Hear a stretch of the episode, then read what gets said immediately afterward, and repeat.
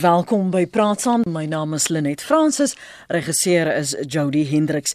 Die internasionale monetêre fonds waarsku dat gevaarlike onderstromings en spanning die globale ekonomiese vooruitsigte kan ondermyn en dat die spanning tussen die FSA en China 'n nuwe tipe handelsoorlog voorspel wat alle lande se ekonomiese groei kan benadeel. Intussen word 'n moontlike ondersoek na die botsende belange van die voormalige minister van Finansies, Nhlanhla Nene, oorweeg om te bepaal of sy seun bevoordeel is deur beleggings van die openbare beleggingskorporasie in 'n Mosambiekse maatskappy. Wat ons laat wonder het, wat is die rol en die doel van hierdie openbare beleggingskorporasie en hoe verantwoordelik word belanghebbendes se geld bestuur? Maar voor ons daarby kom, praat ons eers vanoggend oor die ekonomiese globale vooruitsigte. Professor LT Links is 'n ekonoom verbonde aan Universiteit van Stellenbosch se besigheidskool. Goeiemôre professor. Goeiemôre Lenet, altyd lekker om te gesels. Sal hier en ons praat met Lulu Kriegel, hoofekonoom by PwC. Môre Lulu. Goeiemôre Lenet. Goeiemôre professor Links. Dit is kommerwekkend dat die vooruitsigte so aangepas is dat daar nou selfs gepraat word van gevaarlike dangerous undercurrents Lulu. Wat voorspel dit? Hoe moet ons hierdie waarskuwings lees van die internasionale monetêre fonds?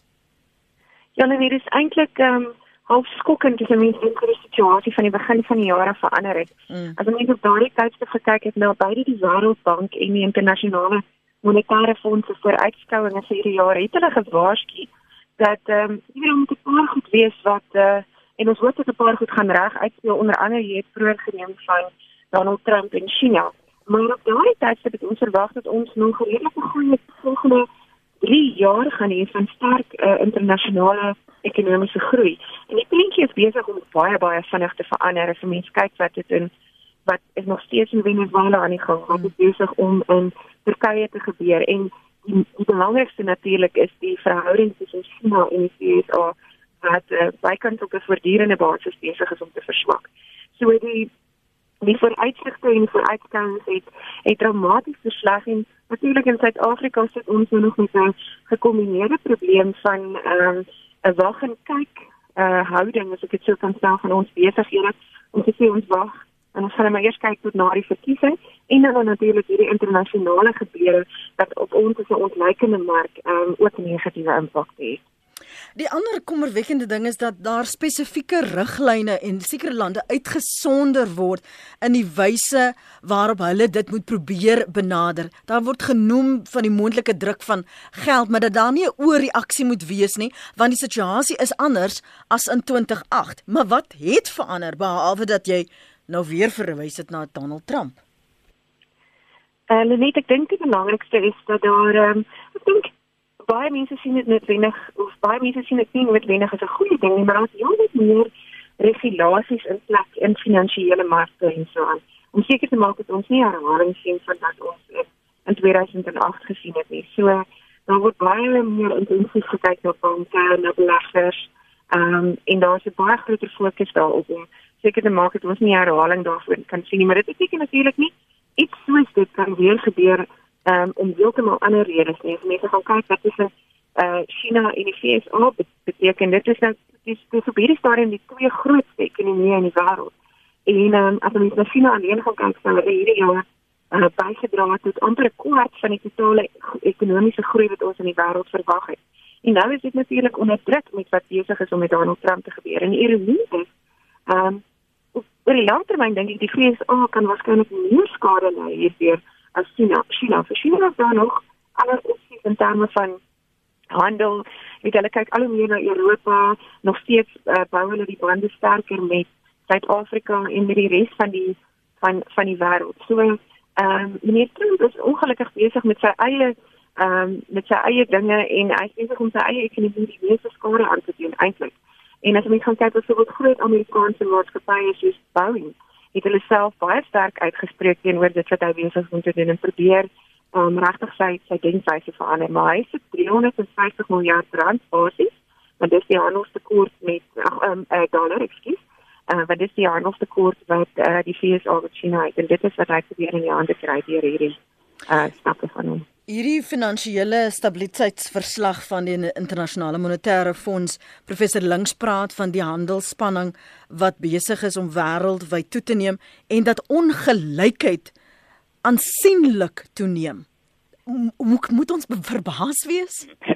Ja, nee, dit is is jy weet met die met die verandering van regering in verskillende lande soos byvoorbeeld die groot lande, ons praat dan van China daar, hulle is amlik stabiel in daai opsig. Maar nou vat jy die Amerikaanse uh, politieke uh, uh, uh, regerings van tyd tot tyd verander hulle en hier kry jy vir Trump en Trump het 'n siening wat baie eie is aan homself en en jy weet daar's nie 'n uh, rekening gehou met wat die res van die wêreld uh, vir hom beteken en wat hulle beteken vir die res van die wêreld. Die geïntegreerdheid van die wêreldekonomie is vir hom 'n bysaak. Vir hom gaan dit oor die uh, Amerikaanse ekonomie. Met dit noem ek eintlik uh, die feit dat uh, die die die uiteindelike gevolg van so 'n daandige beleid het reperkusies vir die wat kan uh, terugskop uh, in Engels praat ons van retalier uh, hulle kan met ander woorde soos Trump uh, te kere gaan met sy beleid kan hulle vir hom uh, teenoor inkomstige teestrydige beleid vorm wat 'n uh, teevoeter is vir sy beleid. En dit sien ons nou in China.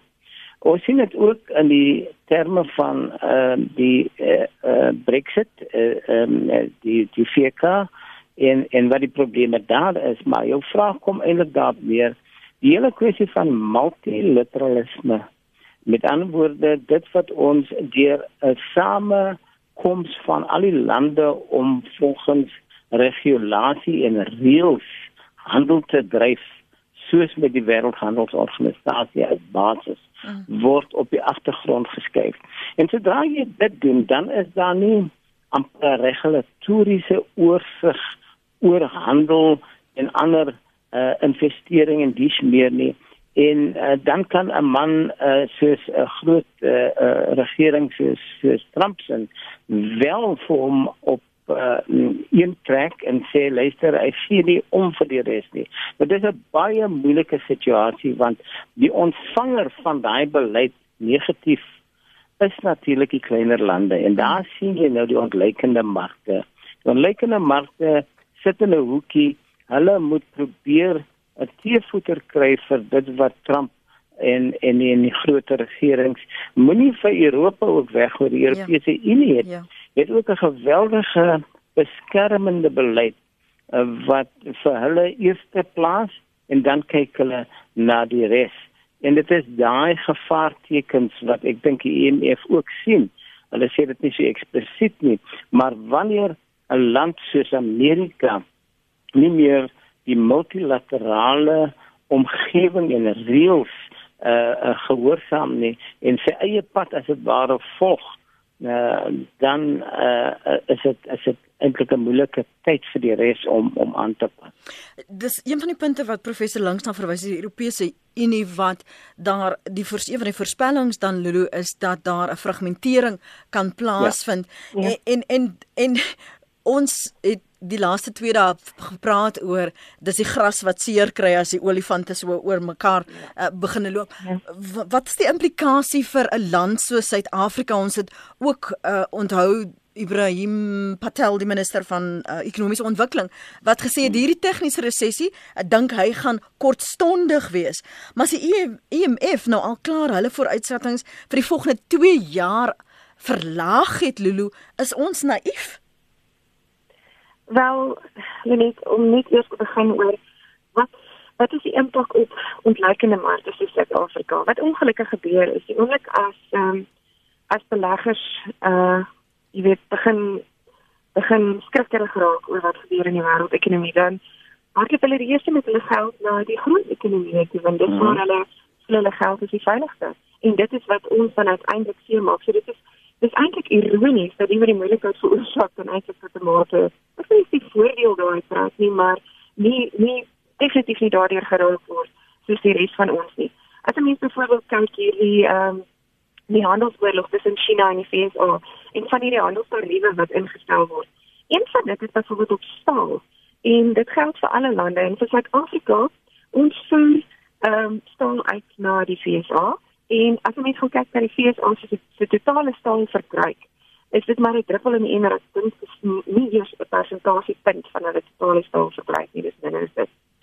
En uh, ons is een van die lande vir wie daar gesê is um, jammer maar julle is nou ook onderhewig aan hierdie tariewe en um, ons het ook ons minister van handel en nywerheid het vir hulle brief geskryf en gesê maar oor hier dit ons nie reg sê ons het 'n hele probleem nie en die antwoord ek gekry het was jammer dit is as gevolg van sekuriteitsredes maar jy weet dit, dit maak vir my glad nie sin nie maar goed so dis byvoorbeeld 'n voorbeeld van wat daar gebeur ehm um, van van hierdie groot moontlikhede met mekaar in geveg is en dieselfde besig om die jy neem die Europese Unie en die fragmentering daarvan en ons het breed gesien met Brexit en wat gebeur is baie van hierdie multilaterale ooreenkomste na waarna professor verwys het.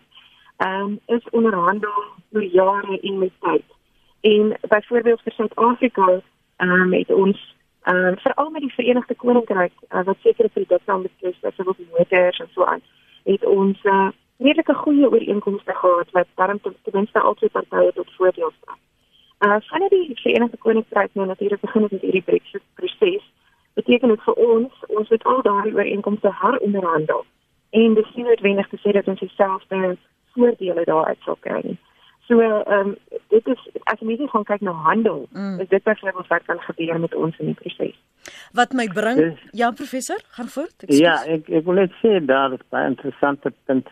Jy het ons het 4 jaar onderhandel ek was baie betrokke daarbey. Jy kom met 'n pakket daar uit wat jy nou dink lees nou het jy dan so 'n bietjie teruggekrawer van dit wat jy voorheen gehad het en daar's groot voordele daarin. Maar die die die onttrekking van die uh, Verenigde Koninkryk uit daai ooreenkoms maak ons verhouding met die Verenigde Koninkryk natuurlik heeltemal nuut.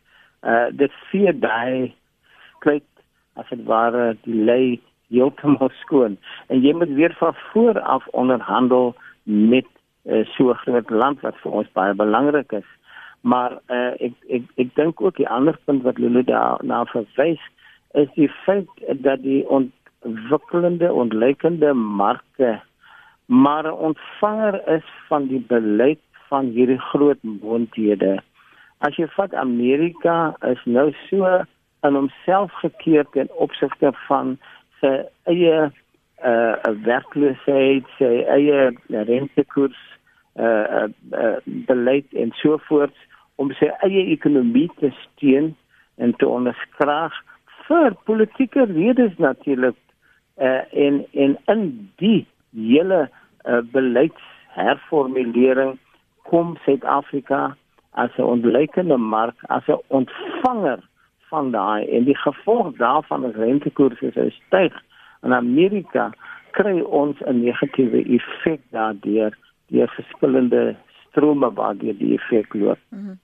Lulu nou nou verwys na die oorwegings van beleggers en met die agteruitgang en verlangsaming van ons eie ekonomie het die gesprek oor die openbare beleggerskorporasie al hoe groter geraak. Sommige wat gesê het dit word dikwels as 'n spaarvarkie gesien en daar word net gedip gedip gedip en die en die bekommernisse oor wat dit veronderstel is om te doen, wat die hoe die geld veronderstel is om bestuur te word. Geen net vir ons professor asseblief agtergrond van die geskiedenis van die openbare beleggerskorporasie en waarom dit nou juis so tersaaklik is. Hierdie is 'n vraag van die geskiedenis en dit is nou gaan 'n jaar net nadat die Unie gesluit was in 1910 is daar 'n staatsskuldkommissaris in die lewe geroep en dit was basies om te kyk na die pensioene maar meer en deels was dit die bestuurder van die lenings die skuld van die staat en dit het aangehou byvoorbeeld om jou Suid-Afrikaanse spoorweë en havens eh uh, se finansies en se lenings te bestuur. Uh ons het gekom tot by 1984 toe verander daai staatsskuld uh uh um uh kommissaris na 'n openbare beleggings kommissaris ek onthou dit baie goed in 1984 en dit was eintlik 'n transformasie na 'n batebestuurder van alle fondse van die staatsamptenare. So alle staatsamptenare se pensioenfonde word dan nou bestuur deur die openbare beleggingskommissaris. Maar daar was natuurlik 'n verskil tussen hierdie tipe van 'n uh, uh, openbare uh, pensioenfondsbestuur uh, dan dit wat privaat maatskappye doen vir hulle pensionaarsse omdat daar 'n bepaalde wet is vir die private terwyl die openbare beleggings uh, uh, kommissaris nie daai tipe van wetgewing onderhewig van was nie. In 2005 kom die staat dan dis nou nie nuwe regering nie, kom hulle en hulle verander heeltemal hierdie openbare beleggingskommissarisse na openbare beleggingskorporasie. En hy is soos ons hom vandag ken. Ehm um, ek dink in 2005 was sy bates onder bestuur 500 uh biljoen rand so 'n half 'n uh, 'n uh, uh, triljoen en en ek dink dit is waar die hele uh sal ek sê karakter van die van die beleggingskorporasie verander het. Onthou net die eerste hoof van daai beleggingskorporasie was nie anders as meneer Brian Molefe nie. Mm -hmm. En nou as jy daai naam noem, dan lag jy nou glimlag jy vir ek weet nie watter rede nie, maar kan ek vir jou verseker en vir die land verseker dat hierdie man uh komende van 'n uh, 'n uh, 'n uh, jong direkteur-generaal van Tesorie 'n uh, uitstekende job gedoen het vir die eerste paar jaar. Uh, Trouwens, hy is meestal verantwoordelik vir die ontploffing in die groei van die openbare beleggingskorporasie. Hulle het uitgewyk tot vandag toe dink ek beheer hulle in uh, die omvang van ehm um, 80% van hulle fondse wat nou so 2 triljoen is beword direk deur hulle bestuur en omtrent so 20% daarvan word deur uh, batebestuurders in die privaat sektor natuurlik met teikens wat hulle moet bereik. Uh, dit is ook 'n manier hoe hulle 'n uh, 'n uh, swart bemagtiging in daai sektor van batebestuur uh, as dit ware beïnvloed om natuurlik die die uh, vermoëns van hierdie swart bemagtigings uh uh die beleggings uh uh um, verder aan te help. So dit is natuurlik die die die groot kwessie wat jy aanraak gaan eintlik oor 'n sekere gedeelte van die uh, OBK wat uh, die Sebia fonds genoem word en dis so 5% maksimum wat hulle kan in die nie gelyste maatskappye kan belê. Nou as jy praat van die menies uh, waarna jy verwys mhm. het uh -huh.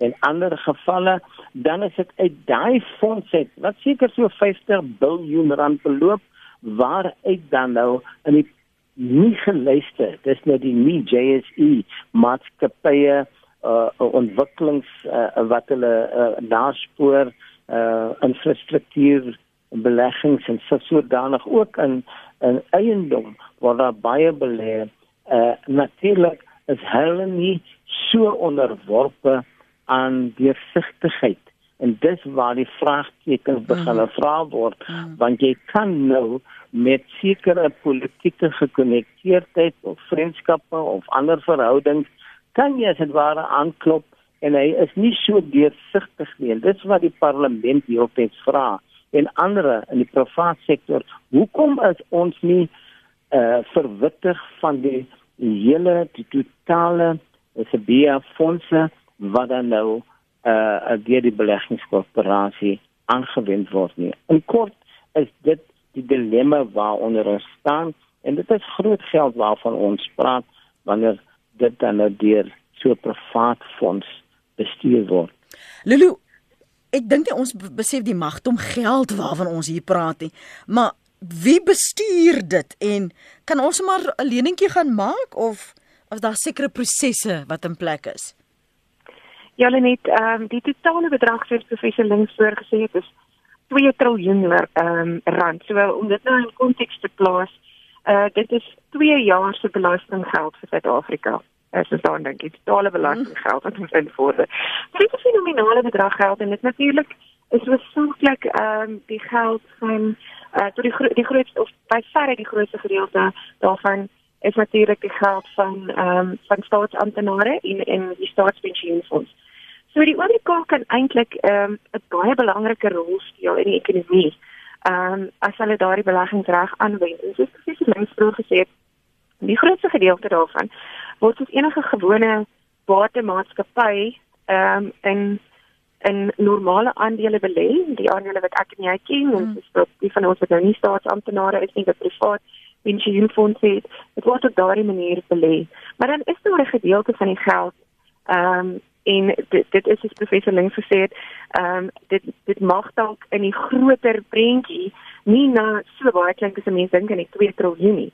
Maar die bietjies in Suid-Afrika tel alles op en ek dink dis die groot frustrasie van Suid-Afrikaners. As jy gaan kyk na die die bietjies hier en bietjie daar, ehm um, dan uiteindelik tel dit alles bymekaar en 'n mens Dit is natuurlik twee aspekte. As 'n staatsamptenaar, ehm um, jy weet as ek nou in diens is of as ek reeds afgetree het, wil ek natuurlik hê my geld moet goed belê en goed bestuur word.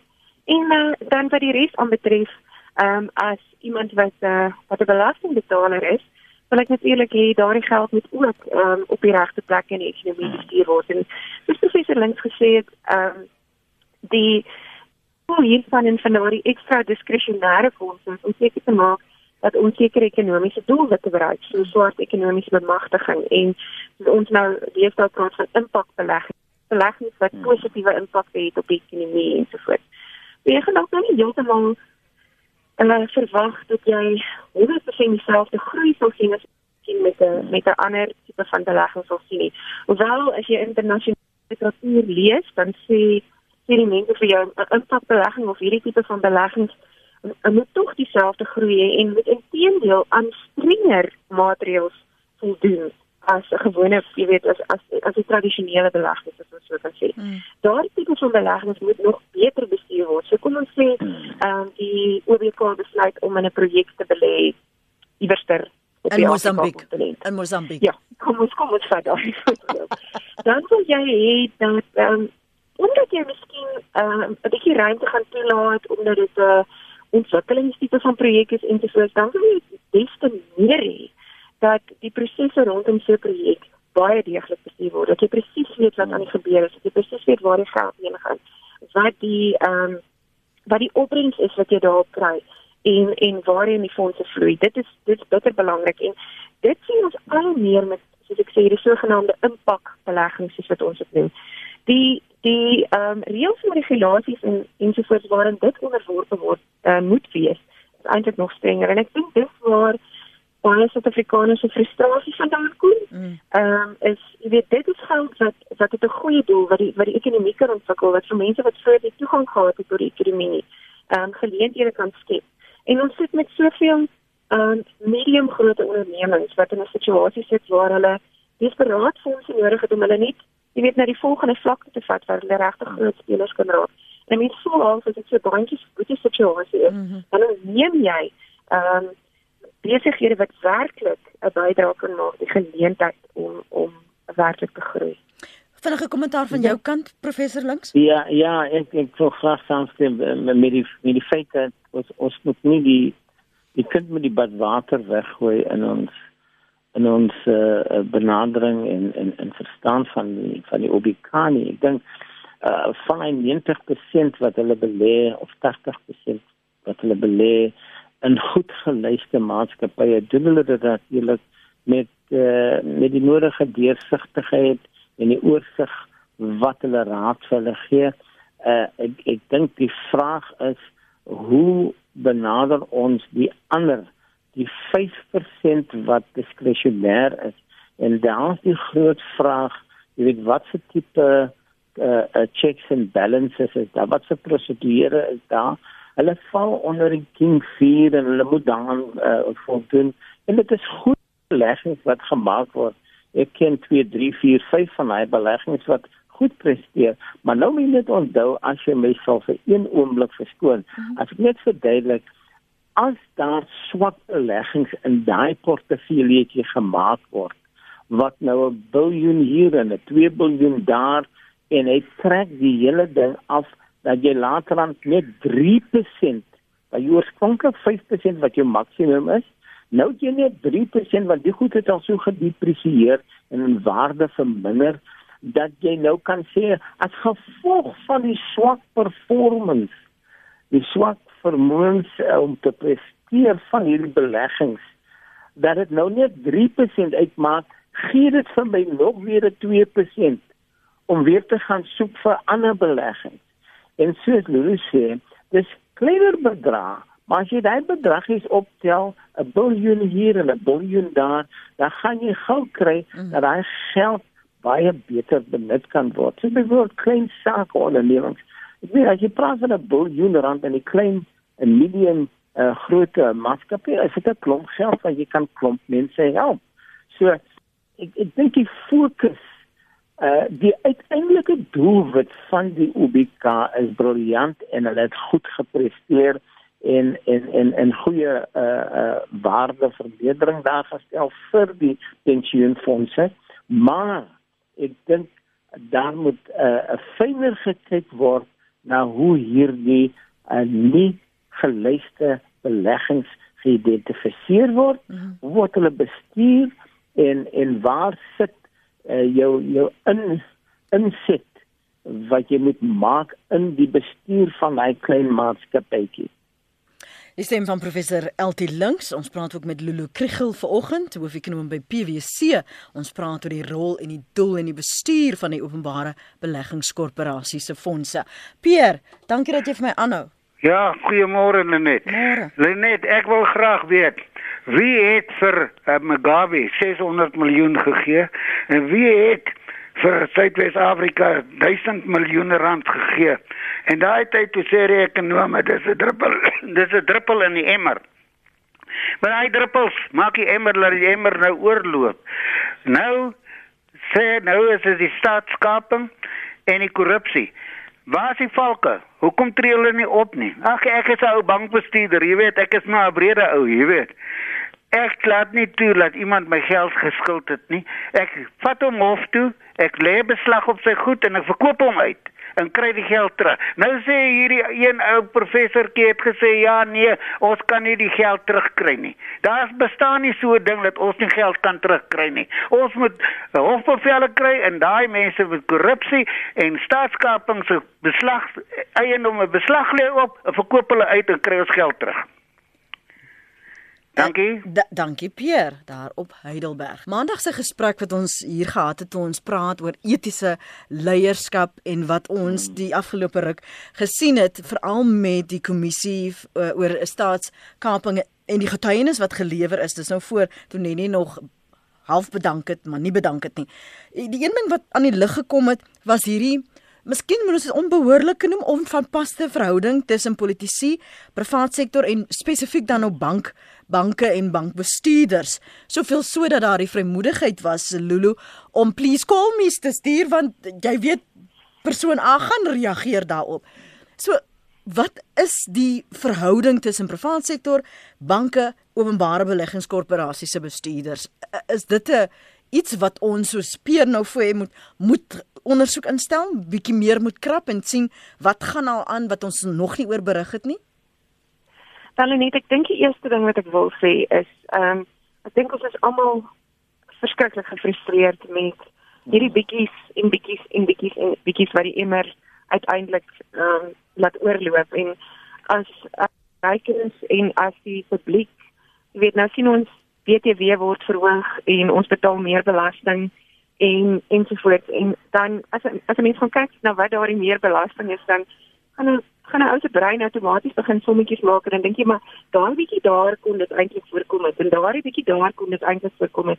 En ek dink dis waar mense se geweldige frustrasie vandaan kom. Ek niemand van ons ehm um, het illusie oor ek dink ons wil almal graag in 'n land sou wou gebly het waar ons nie belasting betaal nie maar ons weet dit werk nou nie heeltemal so nie. Ehm um, ek dink niemand van ons het 'n probleem daarmee nie maar waar die geld heen gaan is die frustrasie. Nou praat jy van die verhouding tussen die tussen die private sektor en die openbare ehm um, sektor en ek self werk ook vir die private sektor. So ehm um, jy weet ek dink wat belangrik is hier is wel ek dink in die eerste plek hierdie kommissie uh, rondom staatskaping. Ehm um, so sleg is wat alles is wat aan die lig kom. sien ek dit ook tot 'n mate se positiewe dat ons ehm um, in 'n demokratiese samelewing is waar hierdie goed aan die lig kom. Dit maak nie kwaad, dit maak nie vreemd en dit frustreer jou. Maar baie van hierdie goed wat uitkom, sê ek tot 'n mate dankie dat dit wel gebeur. Dankie tog dat ons in 'n samelewing is waar dit uitkom en uh ongelukkig het dit ons 'n hele paar jaar teruggesit in terme van ekonomiese groei, maar dit kom uit en ons kan begin sien waar die dinge is en ek dink ehm um, presies ons het vroeër na die die king ehm um, die uh, regulasies verwys. Hmm. En uh, ek dink ons as as algemene publiek moet maatskappye baie meer verantwoordelik hou uh, vir wat hulle doen. Ehm um, ons kan en en ook die regering ons kan dit op twee maniere doen. In die eerste plek die regering waar ons stem en hoe ons stem en en en uh, en en wat is wat ons doen daarmee. En jy net gaan kyk na na maatskappye waar ons beleggings is, waar ons geld heen gaan en ons sien al meer um, in Suid-Afrika maar ook internasionaal dat um, dat aandeelhouers sê genoeg is genoeg ek staan nie hiervoor nie, ek is nie tevrede hiervoor nie. En ek dink ook daar is dit so 'n mate verandering gewees byvoorbeeld in maatskappy wetgewing en alles dat jy as 'n direkteur van van 'n maatskappy uh in jou persoonlike hoedanigheid verantwoordelik gehou kan word vir baie van hierdie goed. So dis nie meer so maklik um, om weg te kom nie en uh Ja, soos my ma altyd gesê die waarheid kom uiteindelik uit en ek is net bly die waarheid uh, is nou besig om uit te kom. Leens ek het daar ja, baie wat vroeg uh Lenet ek, ek dink is is is baie waar wat jy sê ek dink uh, die, die ding wat my frustreer en seker baie anders en en en die, en die luisteraar wat ingebel het uh, kan ek hoor is gefrustreerd. Die die feit van die saak is ons het die beste instellings. Daar is nie beter instellings nie. Hier en daar kan 'n seker meer kry of minder maak. Die feit is die bemanning en en dan moet ek vir die doelwit van my instellings en hulle hulle brief so te sê en dit wat hulle in die lewe geroep het voor dit is fyn. Die die punt gaan eintlik oor die mens wat daai instellings dan nou beman en sien maar hier werk dit nie meer met miljoene nie Ek werk dan met biljoene en daai biljoene raak later aan vir hom soos 'n miljoen. En en dit is so maklik vir die mens om gekorrupteer te word. Dit is jou probleem. En as daai ding pos gevat het, soos ons nou sien in die in die staats eh uh, kaping eh uh, eh uh, kommissie, uh, dit is dit is 'n veldbrand wat ons nie eens gesien het nie. Ons sien maar nou agterna, maar luister, die ding het skade gedoen wat ons nooit sou kon voorsien het nie. Maar dit gaan oor die mense en verhoudings wat uitgebuit word om bepaalde uh persoonlike uh uh um voordeel daai te trek. En en uh ek wil ek wil amper vir myself stout deur te sê met instellings is daar nie 'n probleem nie maar die verval van die instellings het gekom of die doel doeltreffendheid het afgeneem as gevolg van die aanstellings hmm. van mense wat hoegenaamd nie ek dink gisteraan daaraan ons het nou hierdie dilemma met 'n Nenny wat 'n goeie man is uh, uh soos ons almal vir hom geken het uh, en ons moet hom nou vervang as gevolg van 'n leen. Waar is sy adjunkminister Dit was waarvoor 'n ja, adjunkt daar. Daar is. Maar daai adjunkt minister is aangestel op grond van ander kriteria as om in te stap wanneer my baas of my my my minister nie meer daar kan wees nie. Nie die president. As die president môre vir een of ander rede nie beskikbaar meer is nie, op maar net nie gaan by die kommissie vasgevat word nie. Maar gestel nou hy hy hy is nie meer daar nie. Nou moet die visie of die adjunk oorneem. Kan ons die land vertrou mm -hmm. met daai man aan die aan die hoof? En daarom die aanstellings, die mense wat die uh wat vervolgingsgesag byvoorbeeld direkteur is. Hoe kan jy 'n man daar aanstel wat man, ek wil amper nie sê waarom nie sou aanstel nie. Maar die feit van die saak is die bemanning, die bevryding van hierdie instellings is meer belangrik. Dis waar die IMF e inkom. Dis waar die Wêreldbank inkom. Ehm uh, ideologie speel 'n baie groter rol as wat ons dink. Maar ook daarmee saam professor Links Lulu dat daar in die verlede en ons sien dit herhaaldelik veral met hierdie staatsinstellings was daar nooit verantwoordbaarheid nie. Jy het ons net weer gehoor. Ons weet ons is in 'n tegniese resessie. Drie van hierdie staatsinstellings wat nie 'n bloue duit omgee wat hulle gedoen het met die geld nie en alweer bakkant wil staan. Hoeveel keer het ons nie al die ouditeur-generaal se verslae gesien nie? Ja. Lulu wat wat dieselfde ding oor en oor sê maar nou niks niks niks gebeur nie. So as niks met my gebeur nie, as daar nie gevolge is nie, dan doen ek mos maar net kom maar mee weg man. Lulu. Jy is heeltemal reg. Jy is heeltemal reg net en ek dink dit is hoe ons gekom het uh, tot 'n groot mate waar ons is omdat mense vir te lank gesien het maar iemand anders kom weg hiermee so ek kan ook of ek het iets kleins gedoen en ek het weggekom daarmee so kom ek probeer iets meer en iets groters en so aan. Ek dink baie mense begin noodwendig daar met met ehm um, jy weet as hulle net gesien geplaas word om te dink maar ek gaan dit nou gebruik vir my eie gewin. Ek hoop nie so nie. Maar uiteindelik, jy weet, gebeur daar 'n klein dingetjie en 'n groter ding of die persoon langs my kom weg daarmee en dan probeer ek dit ook. En ek hoop werklik dat hierdie staatskapingskommissie nie net 'n kommissie gaan bly wat nou 'n klomp goed oopgevlek het mm -hmm. en dis nou goed en jy weet ons gaan nou maar ons gaan nou maar aan nie daar is wetgewing vir die bestuur van van openbare uh, organisasies ook net soos wat daar is vir vir maatskappye. Ehm um, wat die die finansiële bestuurders in daardie organisasies ook krimineel aanspreeklik kan wo gehou word uh, waar dit moet gebeur of die of die bestuur ensovoorts. Ek dink dit is wat ons wil sien. Ons wil werklik sien dat daar iets gebeur met hierdie ouens. Dan dan voel hulle ou ten minste maar oor hierdie volgende persoon gaan dalk twee keer dink. En daar's twee kante. Die een kant is dat dat hulle vervolg word en aan die ander kant is dat dit aan die lig kom. Dat dit nie kom tot ja. waar ons nou is.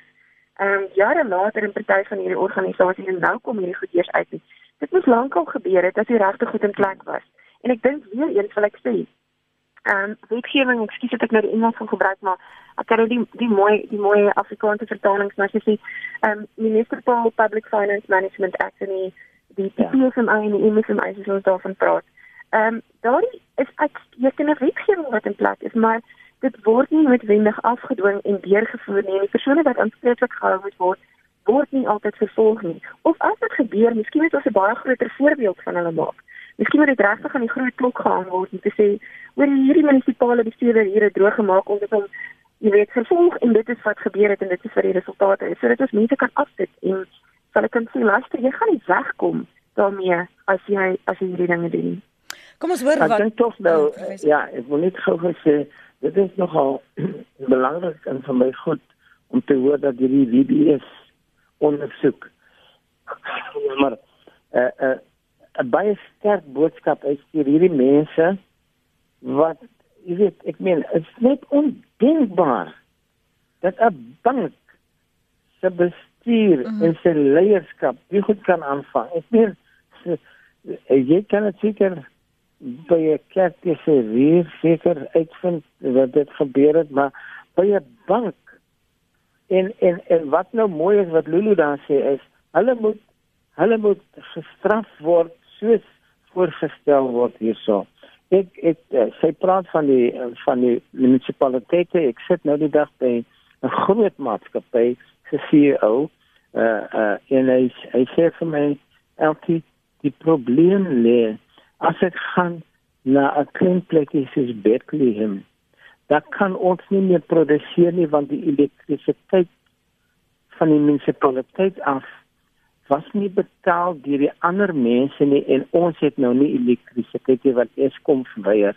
Nou daai maatskap, daai munisipaliteit is so bankrot. Al betaal almal nou weer hulle hulle elektrisiteit hulle hulle begroting is net is net so dwars dat hulle absoluut nooit uit hierdie moeras uit gaan kom nie. Dit is een munisipaliteit nie. Jy kan hordes van hulle opneem. So waar begin 'n mens en weer eens kom dit op neer dat die mense wat jy daar sit glad nie finansies verstaan hoe dit bestuur moet word nie en as dit kundigheid by die agterdeur uitgeskop en onkundigheid by die voordeur ingebring en hierdie manne sien syfers wat nulle het wat net sê man wat is 'n ou nulletjie tussen ons? Ja. Kom ons hoor wat sê AP en baie dankie dat jy ingebel het AP uh, goeiemôre Lenet. Uh, ek dink dat daar is 'n paar probleme wat ons moet uitwys. Die e-, eerste een is natuurlik dat daar vir die staatspensioenfonds word daar net een batebestuurder gebruik en dit is die openbare beleggingskoöperasie.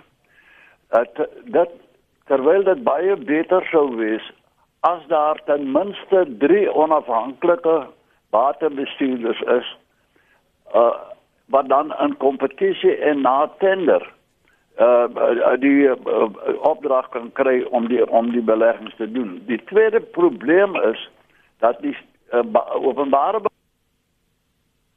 Ja, jy die, die tweede Apie, is dit jy? Apie is nie waar. Ja, ek is hier. Ooh, is ongelukkig as Apie is uh, het ons verloor. Uh, maar professor Links, jy's nog met ons en Lulu, ja. jy's nog met ons. Uh, ja, hy sê hy hy sê 'n belangrike ding, maar dit is tog so dat daar 'n groot aantal privaat batebestuurders is wat deel van hierdie fondse bestuur. Ehm so so dit is nie heeltemal so dat dit net uh, die UBK is wat dit in totaal bestuur. Die hele maak besluite uh om om in hierdie maatskappy staan of te bes, te belê en, en dan sit 'n swak besluit. Maar maar die feit van die saak is daar is 'n coordination daar is hierdie daar's daardie wat almal deel vorm van ek dink so 20% van die van die fondse wat so bestuur word. Lilo, jy het net nou gesê dat ons moet maatskappye meer verantwoordbaar maak en dat ons meer moet vra waar hulle belê en ons geld wat hulle bestuur. Professor Links het gesê dat daar 'n soeke na groter deursigtigheid is veral by die OBK. So, so hoe hmm. hoe hou ons hulle verantwoordbaar? Hoe forceer ons hulle maak ons hulle verantwoordbaar as dit so lyk like my blykbaar 'n geslote manier is van dinge doen? Wel net ek dink in die eerste plek ek het so vinnig deur hulle jaarverslag geblaai en dit is 'n skrikkelike dik dokument met 'n met 'n klomp detail in maar ek dink as jy mens gaan kyk na na die deursnee persoon wie se beleggings daar bestuur word en ek vat myself ook ehm um, jy weet ek is nou iemand wat 'n bietjie finansiële kennis het maar dit was vir my oorweldigend om te verstaan wat daar aangaan dit was vir my oorweldigend om, om te probeer uit uitvind waar word wat belê en hoeveel is op watter plekke belê en wat was die prestasie ensovoorts. En ehm um, ek dink in die eerste plek weet daar's daar's baie druk op maatskappye om ehm um, dinge makliker te maak vir die algemene publiek om te verstaan. Ehm um, maar dis dis iets wat ek hoop dat ons kan sien soos wat tyd aangaan om te sê maar ehm um, weet verstaan verstaan die deursnee belegger wat besig is om met sy geld te gebeur. Ehm um, wys ons vir hulle hoe die prestasie is in vergelyking met uh, met ander batebestuurders. Is dit maklik om dit te sien? Ehm um, want dit dit is iets wat ek byvoorbeeld vind wat geweldig moeilik is om te verstaan in Suid-Afrika. Ehm um, hoe my beleggings presteer teenoor ander beleggers uh, of beleggings. Ehm um, wat wat daarby ingesluit is, wat se kostes ek betaal en so voort. En daar is baie druk in die industrie en ek moet sê daai baie dinge al verander. En daar is selfs mense wat in die industrie werk um, in die beleggingsindustrie en ek praat van die OBK en in die algemeen um, wat wat regtig probeer om hierdie dinge eenvoudiger en meer deursigtig te maak vir die publiek. Ehm um, ek dink dit ook belangrik is is waar ons kan ehm um, jy weet om by algemene jaarvergaderings almal van ons is net beleggers en individuele maatskappye nie, maar dalk op gaan luister, gaan vra die vrae. Ek weet baie keer is daar dieselfde mense wat oor en oor by hierdie vergaderings opdaag, maar ek dink dit is goed uh, dat daar vrae gevra word uh, rondom dit. En ek dink ook wat ons al al meer sien is dat ehm um, maatskap of beleggings ehm um, instansies gevra word om te sê maar in watter instansies belê jy? En hoe neem jy verantwoordelikheid daarvoor en hoe kyk jy ehm um, en maak jy seker dat die plekke in wie jy belê finansiëel stabiel is? Ons het nou die Steiner voorbeeld genoem. Mm -hmm. Ehm um, jy weet tot watter mate ouens batebestuurders verantwoordelik om te sê maar julle het groot geld in hierdie om, in omgewing belê. Het julle gekyk wat aangaan? Verstaan julle wat aangaan? Daar is meer druk, maar is nog nie op 'n punt waar dit noodwendig ehm um, 'n moed is dat dat van hierdie goed gedoen word nie. Baie maatskappye doen dit nog om net hulle dink dis die regte ding. Ek dink dit tyd aangaan, ehm um, sal daar al meer en meer ehm um, jy weet vrae gevra word rondom dit en verantwoordelikheid wees op ook op beleggings ehm um, instansies om te wys dat hulle werklik verstaan in wie hulle wil hê. So binne 30 sekondes som net vir my jou finale gedagtes oor die OBK op vanmôre professor Links asseblief. Ja, die OBK is vir my ehm, 'n um, 'n goeie instelling. Hy het baie beteken vir die pensionaars en daar is geweldig groei uh uh, uh ingepalm. Die feit van die saak is soos ons vorentoe gaan, ehm um, moet ons net die mense wat daar is sodanig verantwoordelik hou dat uh, ons die vertroue kan hê dat die pensioene wat uiteindelik uitbetaal moet word wel uitbetaal kan word. Ek dink my laaste punt is net die mense wat ons plaas ook in parlement want die parlement het 'n oorsig verantwoordelikheid ja. oor die openbare beleggingskorporasie. Maar kan daai mense in regter die regte vrae vra? En soos Lulu sê, jy weet ons wat 'n bietjie finansies ken sukkel om ons eie goed te verstaan. Wat gaan daaraan en ek dink 'n mens moet miskien kundigheid ook daarin bring om sulke komitees te help die mm. regte vrae te vra. Ja, en dis waar dit begin. En so begin ja. die een lyn na die ander en ons die verantwoordingsproses van ons eie kant van burgery begin toepas. Baie dankie professor LT Links, ekonom verbonde aan die Universiteit van Stellenbosch se besigheidskool en Lulu Kriegel, hoofekonoom by PwC. Altyd 'n voorreg om saam met julle twee te kan gesels. Baie dankie daarvoor. Baie dankie. Mooi dankie Lenet.